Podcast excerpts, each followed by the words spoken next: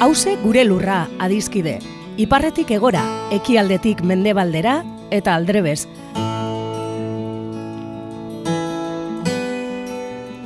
Lurra bakarra dugu edo gaituen lur bakarra da hause.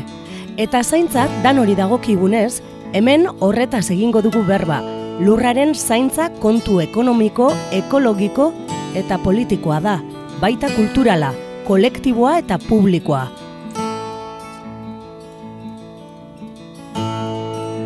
Ekopol taldeko Iñaki Bartenak eta Josu Larrinagak hause gure lurraren zaintzak dituen ataka eta kontu importantei buruz hitz egingo digute. Lurrosoaren erasoak ezin garaitu zezakeen hiri bat ikusi nuen ametxetan. Entzuleok agurtardi Bilbo hiri erratian, hause gure lurra irratza joan eh, gaude, eta gaur e, Iñaki Barzena, ekopoleko kidea, zientzia politikoko irakaslea, hemen dugu, eta e, Iñaki zer kontatzen diguzun. Bueno, ba, gaur emakume zientzilari bat, emakume rebelde, zientzilari rebelde batena, Lin Margulis e, biologoari dedikatuko diogo programa, eta programa Bueno, nik izen tutulatu dut, e, simbiosia bai e, kompetentzia ez. ez? Orduan, e, orain betetzen dira, justo, ba, amar urte, e, Lin Margulis hil zala, 2008an hil zan, e, biologo estatu batu eta, bueno, beti ibi, izan da, bueno, ba, Chicagoko Unibertsitatean izan, eta gero Berkeley ibili izan, eta gero Massachusettsen Unibertsitatean bukatu zuen geozientzietan birakaslea izanik, lan egin zuen, gero komentatuko dugun bezala, NASAren programa batean, hor eh, James Lovelock e, gaia hipotesiaren e, ba, asmatzaileekin, eta bera hor, teoria horren e, partaide izan da, ez? Gero, bueno, biografia piti bat kontatuz, ba, bueno, bera lehenengo zenarra izan zal Karzagan, Karzagan oso astronomo famatua izan da, berarekin eskondu zen, eta berarekin bizeme izan zituen, eta seme bat Dorion, Dorion Sagan, ba oso famatua da, be bai, e, eta Limar Gulisekin pare bat e, e, obra baino gehiago idatzi du, eta kuriosoki, ba, e, e, euskaraz e, euskaratuta daude, euskaraz irakurri daitezke obra hauek, ez? Dorion Sagan eta eta bere ama Lin Margulis e, bion artean egindakoa, ez? Kuriosoa da, gero, bueno, Karzaganekin e, diborziatuta gero, e, hori, Thomas N. Margulis e, beste e, kristalografo batekin eskondu zen, Eta bere bizitzaren bukaeran, honekin bebai bukatu eta diborziatu, ba, beste biologo batekin, e, guerrerorekin, e, bueno, enroiatu zan, ez dakiz zer, bueno.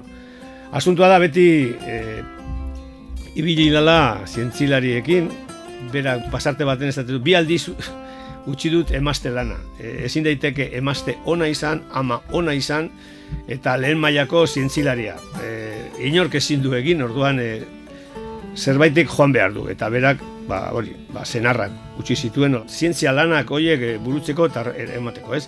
Bera, bueno, naiz eta agnostiko izan, bueno, judua zen e, jatorriz, eta, bueno, ba, nola baite, berak beste pasarte baten komentatzen du, gogoan dut egun batean, errebelazio epifaniko batekin esnatu nintzela, eta e, errebelazioa esan, ni ez naiz neodarwinista, ez? Nolabait e, berak e, kuestionatzen du. Ez Darwinen teoria, bera Darwinen jarraitzailea da eta bere eskarpenak e, onartzen ditu eta bere analize teorikoekin bebai berak esan du ni ados nago, darwinista naiz, baina ez naiz neodarwinista. Hau da, hautespen edo selekzio naturalaren e, teoria horrekin dana e, erakutsi nahi duten horiek, ez nago ados eurekin, zeren selekzio naturalak edo hautespen naturalak esabatu eta iraun egiten du, baina ez du sortzen. Ez du sortzen, hori da nolabait berak argudiatzen duela, eta berak planteatzen du nolabait e, simbiosia dela aldaketa evolutiboaren gidari nagusia.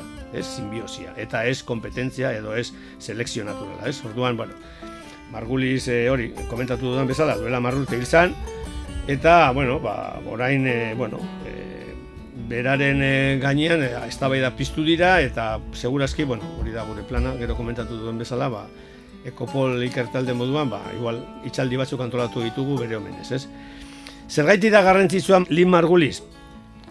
Bueno, ba, batez ere, bueno, e, diskurtso evoluzionistarekin zer duen gai hauek, teoria biologiko ospetsu horiek nolabait berak mikrobioen mundutik ikusi zituen, ez? Eta hor nolabait aurkikuntza bikainak e, atara zituen.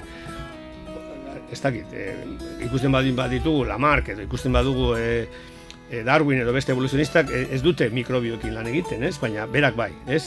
Eta berak nolabait zelulak e, e, nukleatuak edo eukariotoak aztertu zituen, esan ez, bueno, organismo bizidun guztiak, onjoak, landareak, animaliak, edo zelula bakarreko anim, ez dakit, bakterioak edo virusek, bakterioak ez ezik, e, bakterio zelula ezberdinen amalgama e, direla, hori frogatu zuen berak, bere teoria hori teoria simbiotikoa edo teoria endosimbiotikoa seriatua, hori da bera bere karpen nagusia, eta baiestatzen duena da, espezie desberdinetako organismoen arteko elkartxe fisikoak, simbiosi deituak, bizitzaren historian bere biziko garrantzi itzela duela, ez? Planteamendu horietatik nolabait, e, berak esaten zuen dena gara mikrobioen komunitateak, landare bikoitza edo lurreko animali bakoitzak ba, e, simbiosiaren emaitza gara gaur egun, eta horre kontra jartzen du nolabait, e, ba, mendebaldean e, zabaldutako individualismo kapitalistaren aurka, ez? Ez, ez gara bakarrik individuak, askoz gehiago gara, ez? Eta, bueno, Margulis esan horre gelditu, askoz e, arago joan zan, eta biologo gehienek nolabait e, lehiaketak edo kompetentzia evoluzio prozesuan e, azpimarratzen baldin badute bueno, teoria horiek e, ba, berak e, nolabait lankideza areagotuz, e, areagotzen zen e, planteatzen du indartzuenak bakarrik e, irauten dutela teoria hori ba, ba, nolabait bertan bera utzi behar dela eta bere berak esaten zuen bezala ituna simbiosia da azkenean inork ez du irabazten edo galtzen bir kombinazio badago eta zerbait berria e, e, eraikitzen da. Hori da evoluzioaren e, azpian dagoen e, indar nagusia, elkar simbiosi hori, ez? Eta, bueno, ba, nolabait Darwin eta eta Darwinisten e, gehienen postulatuak e, erabat hautsi gabe, Margulis, Margulisek e, nolabait e, mundu biziaren gure interpretazioaren urak astindu egin zituen eta nolabait lankidetzan ipinten du evoluzio mekanismo giz, e, balio nagusia, ez? Berak ez du bakarrik nolabait e, teoria endosimbiotiko seriatu hau e, ekarri, ekarri zuen be, adibidez, adibidez beste teoria importante bat, simbiogenesiaren teoria, eh? Zer esan edu honek? Horrek esan edu mutazio kopuru handiak ez zirela espeziazio iturria, baizik eta pobretze eta desargetze iturria. Hau da, bere teoriaren arabera, benetako motore evolutiboa bakteriak dira eta ez geneak, ez? Eta hori importantea da, zeren bakteriak elkartu egiten dira eta elkartasun horretan edo simbiosi horretan ekartzen dut dituzte aldaketak eta evoluzioak. Eta hori ez da zerbait genetikoa bakarrik, ez?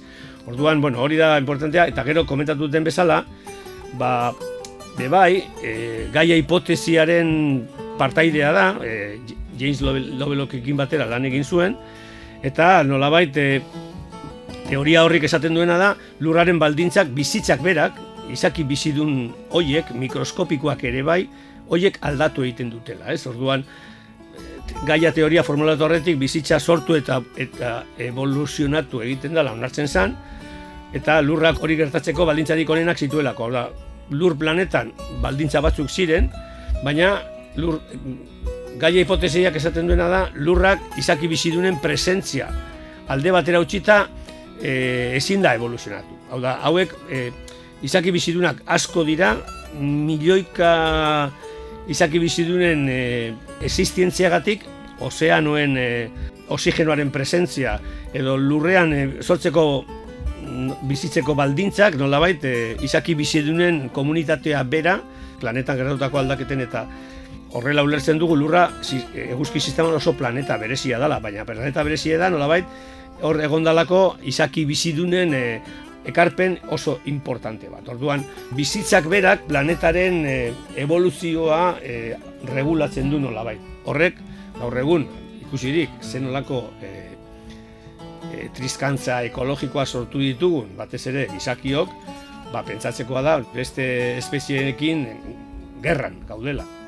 Orduan, e, gaia hipotesiak proposatzen duena da bizitza eta ingurumenak elkarre egiten dutela. Osotasun gisa jokatzen dutela, ez? Materia organiko eta ez organikoen arteko desberdintasuna diluitzen dituztela eta sistema bat eratzen dutela, batak eta besteak elkar elikatzen dutela, ez? Hori da nolabait Margulisek e, e, erakutsi nahi izan zuena, e, atmosferaren kimika, ozeanen gazitasuna, edo, bueno, e, mikroorganismoen trilloien e, arnasketarekin lotu behar dugu, eh? materia organikoaren eragina, bere transformazioa, bere, bere berrera bilpena, ba nolabait, e, bueno, lurraren baldintzak, lurraren bizitzarako baldintzak aldatzen joaten direla, baina planeta bizigarriago bat bihurtuz, ez? Eta hori da nolabait bere ekarpen importante bat, ez?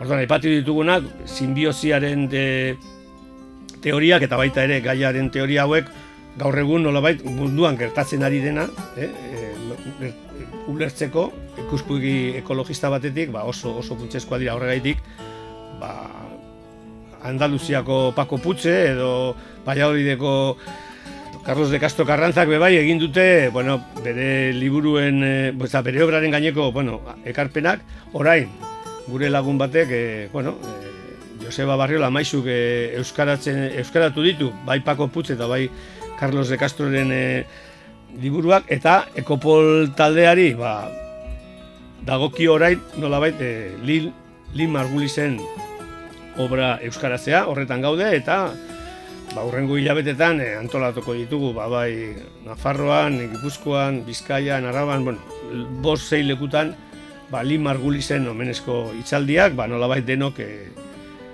ba, emakume biologo zientzilari errebelde honen partetik, errebelde esaten dut, bere teoriak eta planteamenduak oso txarto hartu direla eta kostatu dira takit, hainbat eta hainbat urte eh, amarkadak onartzea gaur egun zientzilari gehienek onartzen dutela, ez? Bai teoria simbiotikoak eta baita ere eh, gaiaren teoria. Baina, bueno, hor gaude. Ederto Iñaki, bueno, gai potoloa eta potentea ekarri duzunez eskina batetik eskapatuko izazik eran, gero, bueno, ez dinot oso kurioso dela gure e, ikuspegi euskaldunetik hemen suposatzen da hori abizenekin daukagun e, obsesio aranista honekin, justo ezkegon ez atxo aspaldiko lagun batekin topatu eta ez dakizela atera zen konversazioan bere legutioko arbazoen e, e, kontuak eta bere amazazpigarren abizena zein zen ere bazekien berak, ez da? Eta dino, eta anglosazoiek berriz, ba hori, e, abizen bakarra daukate, eta askotan emakumek batez be, ba, lehenengo zenarraren hartzen dute, eta eta, gero e, eta edo, edo hori, edo adibidez horti dago hori zientzia fikzio feministan oso ezaguna den Ursula K. Lewin, izeneko idazle bat, ni horren dela gutxe entratu nintzen, K hori, K. Lewin, da, Ursula K. Lewin, K dela Kroeber, bere aitaren abizena, Kroeber izan zen oso antropologo ezaguna bere garaian, inkluso, ozera, proposago gatzen Ursula horrentzat e, bere aitaren e, e, abizena erabiltzea idatzi duenerako, eta ez Lewin bere, hori, bere zenar bat, uste du gero ere gainera dibortzeatu zela, baina abizen horrekin gelditu zen, eta abizen horrekin e, ezaguna da, ezta?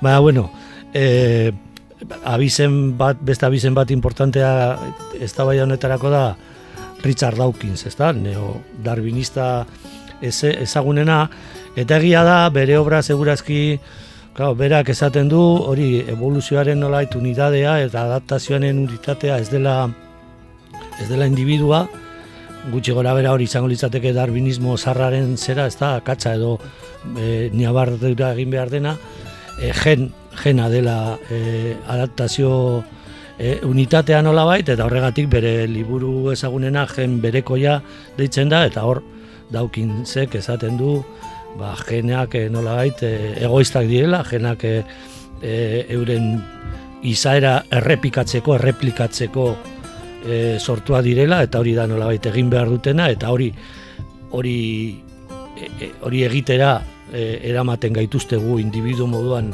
baldin eta baldin, baldin eta bagara individu, ba, hori dela bere bere teoria eta teoria horren irakurketa bat bai egia da izan daitekela oso oso ba bueno, hori leia, kortasuna eta bar, baina egia da ere ba, ba, hori gero gizakio gaudela E, hor dago ere beste debate bat, gizakiok ze puntura arte nola baiteko askatasuna daukagu e, gauza batzuk erabakitzik, erabakitzeko edo ez, ezta? Ez gara ere nola baiteko robote batzuk e, geneak e, e, kontrolatuta edo behartuta erabat behintzat, ezta? Hor dago debate hori eta efektibamente gero munduan badaude ere beste e, izaki batzuk, e, bakteriak, e, virusak, orain e, oso ondo dakigun moduan, eta guzti horrekin jokatu behar dugu, eta simbiosis edo talka hoietatik sortzen da mundua, eta ematen da mutazioa, eta ematen da ebalu, e, evoluzioa, ez da? eta zentsu horretan margulizen e, e, aportazioa erabatekoa da, baina problema da ere askotan hori nola baiteko mezu zientifiko horiek komplejoak dira eta sekulako joera daukagu simplifikatzeko eta hori, ba, lehiarekin gelditzen gara, agian e, neoliberalismoaren e, azterketa ekonomikoa horretan e, oinarritzen delako eta ez benetan bizitza eta mundua horrela direlako. Bai, e, lehen, e, bai, e, komentatu nahi izan dut, e, e, kuriosoa dela, ez? E, emakume, bueno, hori anglo-sajoniarren, bueno, iaia Europa osoko bikoteen e, dinamikan ba, ba, emakumeek hartzen dute ba, nolabait bere senarraren abizena eta horrekin ezaguna dira. Ba, kasu honetan, ba, bueno, honek e, ba, lehen izango zen e, Lin Sagan, gero Lin Margulis, eta nik uste dut urregongoan esan zuen, ba, naiz eskonduko guerrerorekin, bestela Lin Guerrero abukatuko naiz, ez? Ba, bueno, ba, bueno, hori kuriosoa da, baina, bueno, hori gu beste kultura bateko agara zorionez hemen amaren e, abizena bebai daukagu eta eta emakumeek eh, ez dute galtzen e, familiakoa eta bueno, hor beste beste filosofia batekin egiten dira gauzak.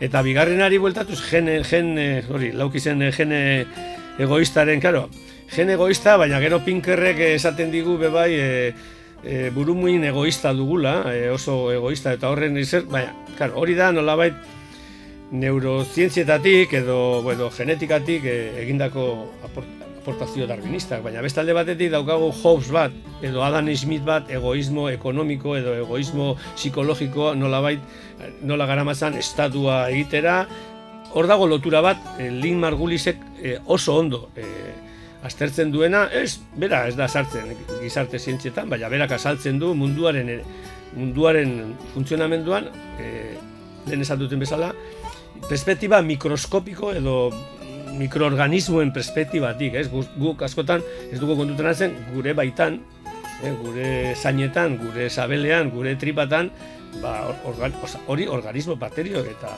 eta eta virus eta eta beste eta, eta onjoak eta beste izak, beste izaki bizidunak dugula batean, naiz eta gu individuo nolabait eh, al guztidunak e, moduan funtzionatu, ez? Orduan alde horretatik perspektiba aldaketa horrek laguntzen du ulertzeko bizitzaren evoluzioa nolakoa dan eta bizitzaren kalterako erasoak non ditatozen ere bai, ez? Nolabait, e, bueno, nik uste dut, e, Margulisen ekarpen hori oso oso importantea dela ikusteko, ode, ba, e, bizitza ez da jangoikoak e, Adan eta Ebarekin sortutako kontu bat. Bizitza da, nolabait, lur planeta honetan, ba, duela iru mila milioi urte sortutako, bueno, prozesu oso komplejua, hasierako bakterio anaerobikoen, bueno, egia da, bueno, arrazoia duzu, e, igual emandako konzeptu batzuk e, entzulearen zat e, arrotzak bihurtzen dira, baina bueno, nik izango nuke merezi duela, gu batez ere, ba, e, dakit, e, gizarte zientziak eta zientzia juridikoa, zientzia ekonomikoak, e, ba, nolabait, e, ikus, ikasi ditugunok, ba, bueno, bebai, biologiatik e, edatzea,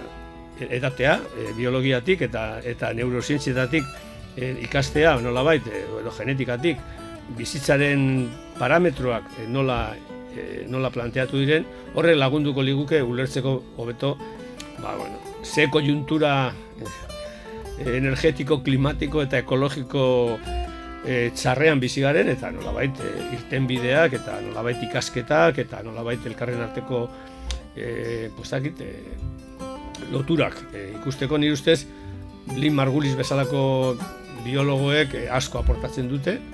Eta nire ustez e, gainera sortu dute eskola bat oso interesantea nolabait individualismotik at e, bueno, e, ibiltzen dana.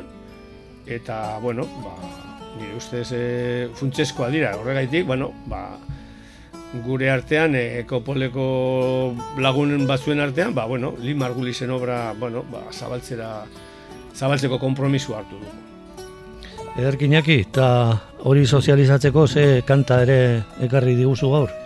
Ba, e, bueno, ba, ekarri du beste emakume bat, e, nire alabei asko gustatzen zaiena, ni alaben gandik e, e, ezagutu nuena, eta esan ziaten, aita, badago e, kantari e, malagar bat, e, andaluziar bat, zoritxarrez gazte-gazte hildana, baina kantatzen du, e, yo no camelo perfumes de la Nina Ricci, que soy, soy más de libros de la Silvia Federici. Eta bueno, Silvia Federici gure laguna dala, eta ez dakiz zer, bidali genion eh, kanta. Eta bai, gata katana, gata katana da gazte, bueno, eh, jinjopero gazte bat, oso gazte hilzana, baina duela lau bosturte, baina bueno, bere kanta bat ekarri dugu gata katanaren lisistra, eta lisistra eta emakume eh, emakume heroiko hori e, Grezia klasikokoa, ba, bueno, kanta oso interesantea eta oso emakumen aldekoa da. Ederko, gaur eh, abizenik gabeko emakumen eh, kontua dauko.